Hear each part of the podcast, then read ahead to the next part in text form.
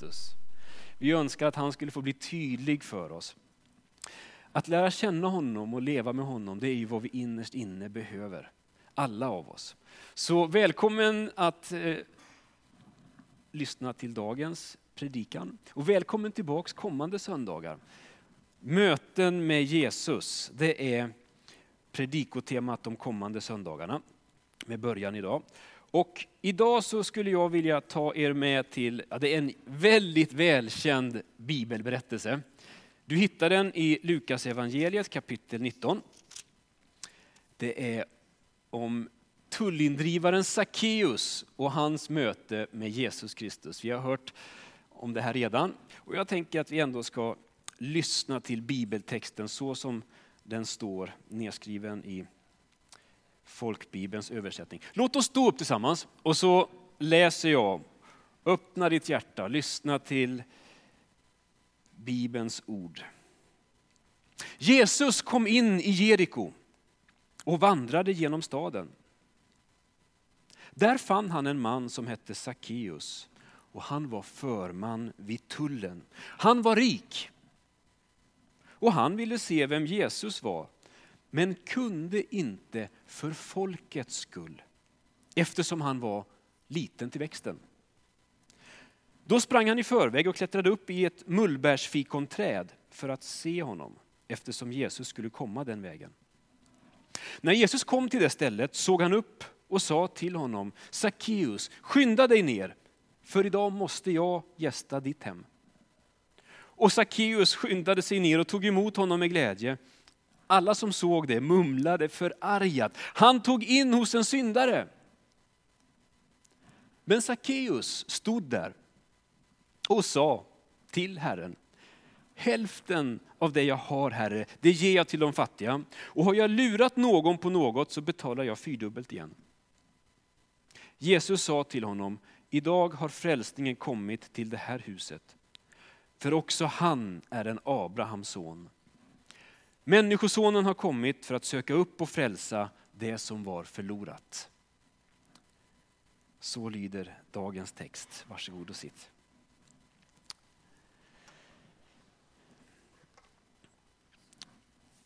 Lukas är den av evangelisterna som berättar för oss om hur Sackeus mötte Jesus. Och det vi vet om Sackeus är att han, han var en förman vid tullen och han var rik. Och Det går att ana att de där två hänger ihop. Alltså att hans arbete som tulltjänsteman har att göra med hans välstånd att göra. På den tiden var det helt självklart, man såg det som en orättfärdig, ett orättfärdigt samband. Eh, vilka var de där tullarna? De där tullindrivarna, de var ganska illa sedda. För så här, ja, flera av er känner till det här. Israel var ockuperat av den romerska krigsmakten och judarna tvingades att betala vissa skatter till Rom. Det kom liksom med ockupationen. Så de romerska myndigheterna de hade liksom delegerat eller, ja, den här skatteuppbäringen till vissa enskilda personer och företag, romerska personer, romerska företag. Och de i sin tur hade rekryterat lokalbefolkningen eh, till de här olika tjänsterna. Eh, de här lokalanställda tullindrivarna, de stöter vi på ibland när man läser evangelierna. Och det här är inga välsedda figurer. De är inga populära personer, utan de ses ju som förrädare. För egen vinnings skull så samarbetar de med ockupationsmakten. Inte undra på att folk i allmänhet hade svårt för de här individerna. De var illa ansedda, ja vissa till och med föraktade dem. De sågs som förrädare, men de sågs också som oärliga. För det var ju allmänt känt att de drev in mer än vad som var fastställt. Och var det där överskottet hamnade, ja, det, det visste man ju också. Sackeus han är en rik tullindrivare. Han är inte bara tullindrivare, han är förman, han är chef på tullstationen i Jeriko.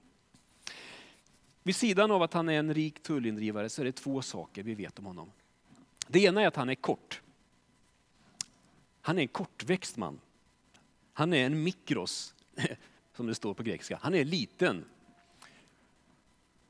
Och Det där kan man ju fundera på. Det här står inte i bibeltexten, men kan det ha varit så att denne Sackeus och fått höra att han är kort? Kan det vara så att han har blivit mobbad redan som barn? Man kan ju fundera. Var det det som gjorde att han faktiskt hamnade lite vid sidan av? Fick han andra jobb? Var det det här som fanns till buds? Var det här en chans för honom att faktiskt ge igen? Kanske att hämnas till viss del? Vi vet inte. Det vi vet är att han är kort. Vi vet också att han är nyfiken på Jesus. Han har hört talas om Jesus och det har ju väckt hans nyfikenhet. Folk i omgivningen förundras nog. Va? Är han intresserad av Jesus? Är inte han bara upptagen av, av sitt arbete och, och pengar? Nej, det var någonting i Sackeus inre som gjorde att han ville veta mer. Eh, han ville veta mer. Vi läser i vers 3 att han ville gärna se vem denne Jesus var, men kunde inte för folkmassan, för han var så liten till växten. Han ville träffa Jesus. Trots att han inte riktigt tillhörde de där troende, eller att han hade, han hade helt klart levt ett moraliskt eh, klanderfullt liv. Men han var nyfiken. Men när folk kände igen honom där på gatan, ah, det är ju du! Så då, då släppte man inte fram honom, utan då vände man ryggen till. Och, och den där folkmassan blev ju som en slags mur. Han kommer inte förbi, han kommer inte igenom. Men Sackeus han är mån om att få se Jesus. Kanske till och med komma så nära så att han kan höra honom. Så det står att han sprang i förväg och klättrade upp i en sykomor för att kunna se honom. Eller ett ja, sykomor, det är ett slags fikonträd och på svenska så nämns det som ett mullbärsfikonträd. Det är ett ganska stort träd. Eh, men det är ingen bra frukt på de här träden. Fikonen duger inte till någonting annat än att användas. Man använder som mat till svin. Och I det här sammanhanget, en judisk kontext, så är ett träd som bara ger svinmat, det, det är ett orent träd. Ingen vuxen med känsla för takt eller ton eller anständighet skulle ju klättra upp i ett sånt träd. Det är olämpligt, det är ovärdigt. Det är faktiskt så att Sackeus han agerar ovärdigt eller oväntat på flera sätt. Dels alltså en vuxen, och i, i synnerhet en rik tjänsteman. För det första springer man inte. För det andra klättrar man inte upp i ett mullbärsfikonträd. Kan du se det framför dig? Tänk så det kan bli. En vuxen man som sitter ensam i en sykomor. Där har vi Sackeus. Det säger någonting om hur knepig hans livssituation var. Hur långt han på något sätt hade fallit. Och här så har jag i veckan funderat på hur kommer det sig att Sackeus hamnar på avstånd och distans till Jesus? Vad är det som gör att vi människor kan hamna på avstånd ifrån Jesus? Det finns säkert många skäl.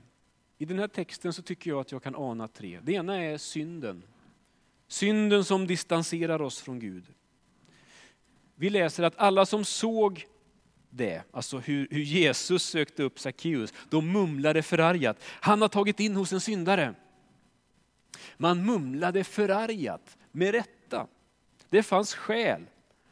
Det folk sa om Sackeus, det stämde. Han är en syndare. Och synden skapar ett utanförskap i relation till Gud. Våra handlingar, eller brist på, eller avsaknad av handlingar, får konsekvenser med sig. Och synden, att bryta mot vad Gud har talat om är rätt och fel, det får konsekvenser för oss. Synden skärmar av oss ifrån Gud. I den här texten märker vi också att omgivningen stänger ute Sackeus. Vad har Jesus att göra med en sån som han? Folk i Jeriko menar att, att det Jesus gör det är olämpligt, det är ovärdigt. Man försökte att inte släppa fram honom, att stänga ute honom. Och likt folk på Jesu tid så har faktiskt beklagansvärt nog kyrkan och kristna genom historien faktiskt gjort på samma sätt och velat dela in människor. Man har uteslutit vissa och sagt att de inte har med Gud att göra. Synden skärmar av oss ifrån Gud. Det kan vara så att vår omgivning hindrar oss. Våra egna tankar kan också distansera oss ifrån Gud. Jag tror att vi är många som på ett eller annat sätt stänger ute oss själva ifrån ett möte med Jesus. Vi tänker, jag duger inte. Jesus vill inte ha med någon sån som mig att göra. Jag platsar inte in. Så tänker vi. Och när vi ser oss om på andra så ser vi att de verkar så lyckade. Så trevliga, ordentliga, felfria. Medan jag känner mig otillräcklig, oduglig. Jag dömer ut mig själv och klättrar upp i mitt eget lilla träd på avstånd. Våra egna tankar kan faktiskt skärma av oss ifrån Gud. Och hur går det? Hur går det för oss när vi skärmas av ifrån Jesus? Det går illa. Det här är vår tids och mänsklighetens stora tragedi. Att vi har tappat bort närheten till vår Gud. Det är en tragedi att synden har fått fritt spelutrymme på det sätt den har fått. Det är, det är tragiskt när omgivningen skärmar av oss ifrån Gud. Det är sorgligt när våra egna tankar får oss att tro att, vi inte, att inte Jesus vill ha med oss att göra. När vi läser bibeltexten så påminns vi om att det var ju de trasiga, de förvirrade, de förtvivlade som alldeles särskilt trivdes med Jesus. De som livet på olika sätt, de vars liv på olika sätt hade farit illa eller gått sönder. Det är de som på något sätt, på ett alldeles särskilt sätt trivs hos Jesus som är honom. Och lyssna, det som chockerade Jesus samtid, det var inte bara att Jesus valde att relatera till sådana som Sackeus. Utan det var det sätt som Jesus sökte och valde att bli vän med dem. Om Jesus så sa man så här, se, se vilken vän till tullindrivare och syndare. Och så konstaterar Lukas lite tidigare i sitt evangelium att alla tullindrivare och syndare, de sökte sig till Jesus för att höra honom. Det var med Jesus som man trivdes.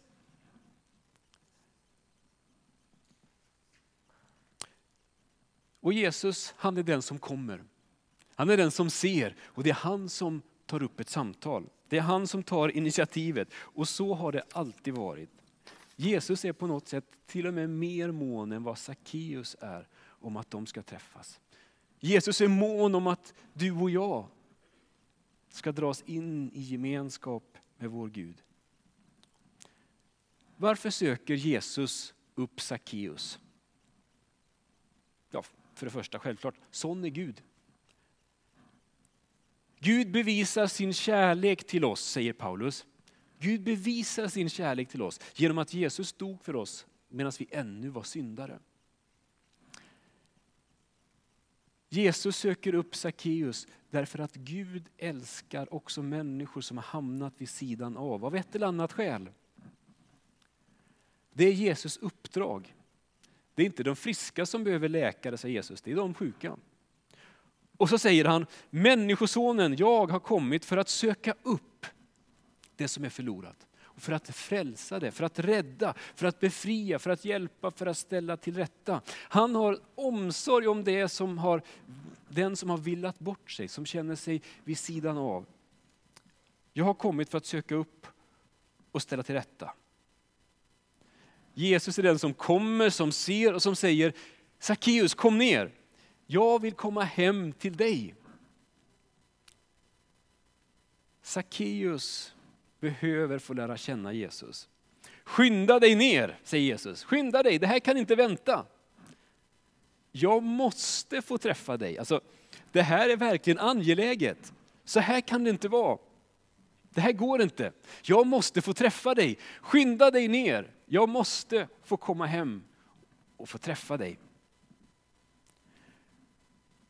Det är uppenbart att Sackeus han har både ett och annat att göra upp med. Jesus följer med honom hem och efter att de har fått vara tillsammans en stund, vi vet ingenting om hur länge det var, så läser vi bara så här, att Sackeus han stod där. Han står där och säger till Herren, hälften av det jag har Herre ger jag till de fattiga. Och har jag lurat någon betalar jag fyrdubbelt igen. Jesus har ju helt uppenbart ett positivt inflytande på Sackeus. Mötet med Jesus gör någonting med Sackeus. Sackeus förvandlas från att vara en, en girig människa till att, ja, någonting annat. Generös, omtänksam medmänniska. Så Sackeus står där omgiven av, av sina vänner, mitt i sitt fina hem. Han står där och säger, hälften av allt det jag har det vill jag ge till de fattiga. Har jag lurat någon, ja, om det nu skulle vara så, om, om, om det är så att jag har lurat någon, så då, då betalar jag fyrdubbelt igen. Wow, vilken förvandling! Ett helt annat agerande. Sackeus gör allt han kan för att ställa till rätta. Och Jesus han konstaterar att idag har frälsningen kommit till den här familjen eftersom han också är en Abrahams son. Han som andra såg som förrädare och förnekare, han inkluderar Jesus och säger, se, detta är också en av oss. Frälsningen, livet med Jesus har inte bara med insidan att göra, med frid i själen, med ljus i sinnet. Självklart har det det också. Men mötet med Jesus går också att avläsa i hur vi hanterar våra pengar. Att leva med Jesus och inspireras av honom, det påverkar mitt sätt att bedöma och värdera. Mina bedömningsgrunder, värderingssätt, de reformeras. Det är inte längre jag själv och mina intressen som står i centrum, utan också Jesus och hans intressen, Guds vilja. Och det förunderliga det är att, att det här, den här förändringen inte leder till att vi går under. Utan tvärtom leder till att vi finner ett liv värt att leva. Ett liv i gemenskap med andra. Ett liv i gemenskap med Gud. Att vara kristen och följa Jesus påverkar också hur vi använder våra pengar. Det går inte längre att bara leva för sig själv.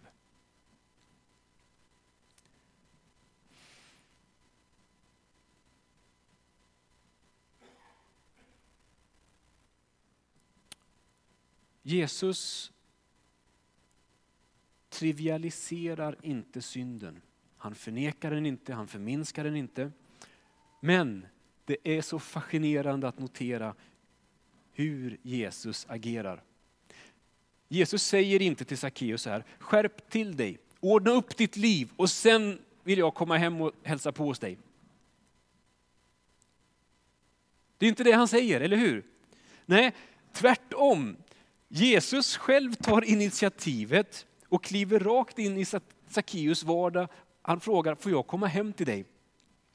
Och Jesus möter honom precis där han är. Det här är nådens ordning. Nåden den gäller Sackeus och den gäller mig. Och du får viska till dig själv, nåden gäller mig.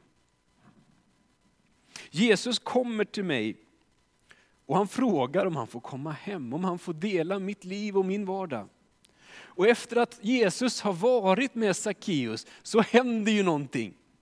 Och jag undrar ju, hur gick det där till?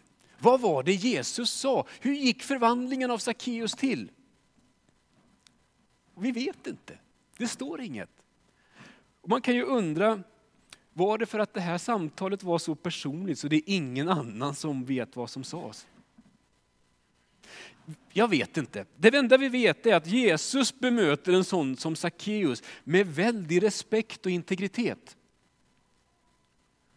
Och vi kan bara konstatera att mötet med Sackeus förvandlade hans liv. Och det tycks inte vara någon förvandling som är frampressad eller framtvingad, utan den här förändringen den kommer av sig självt när Sackeus har varit med Jesus.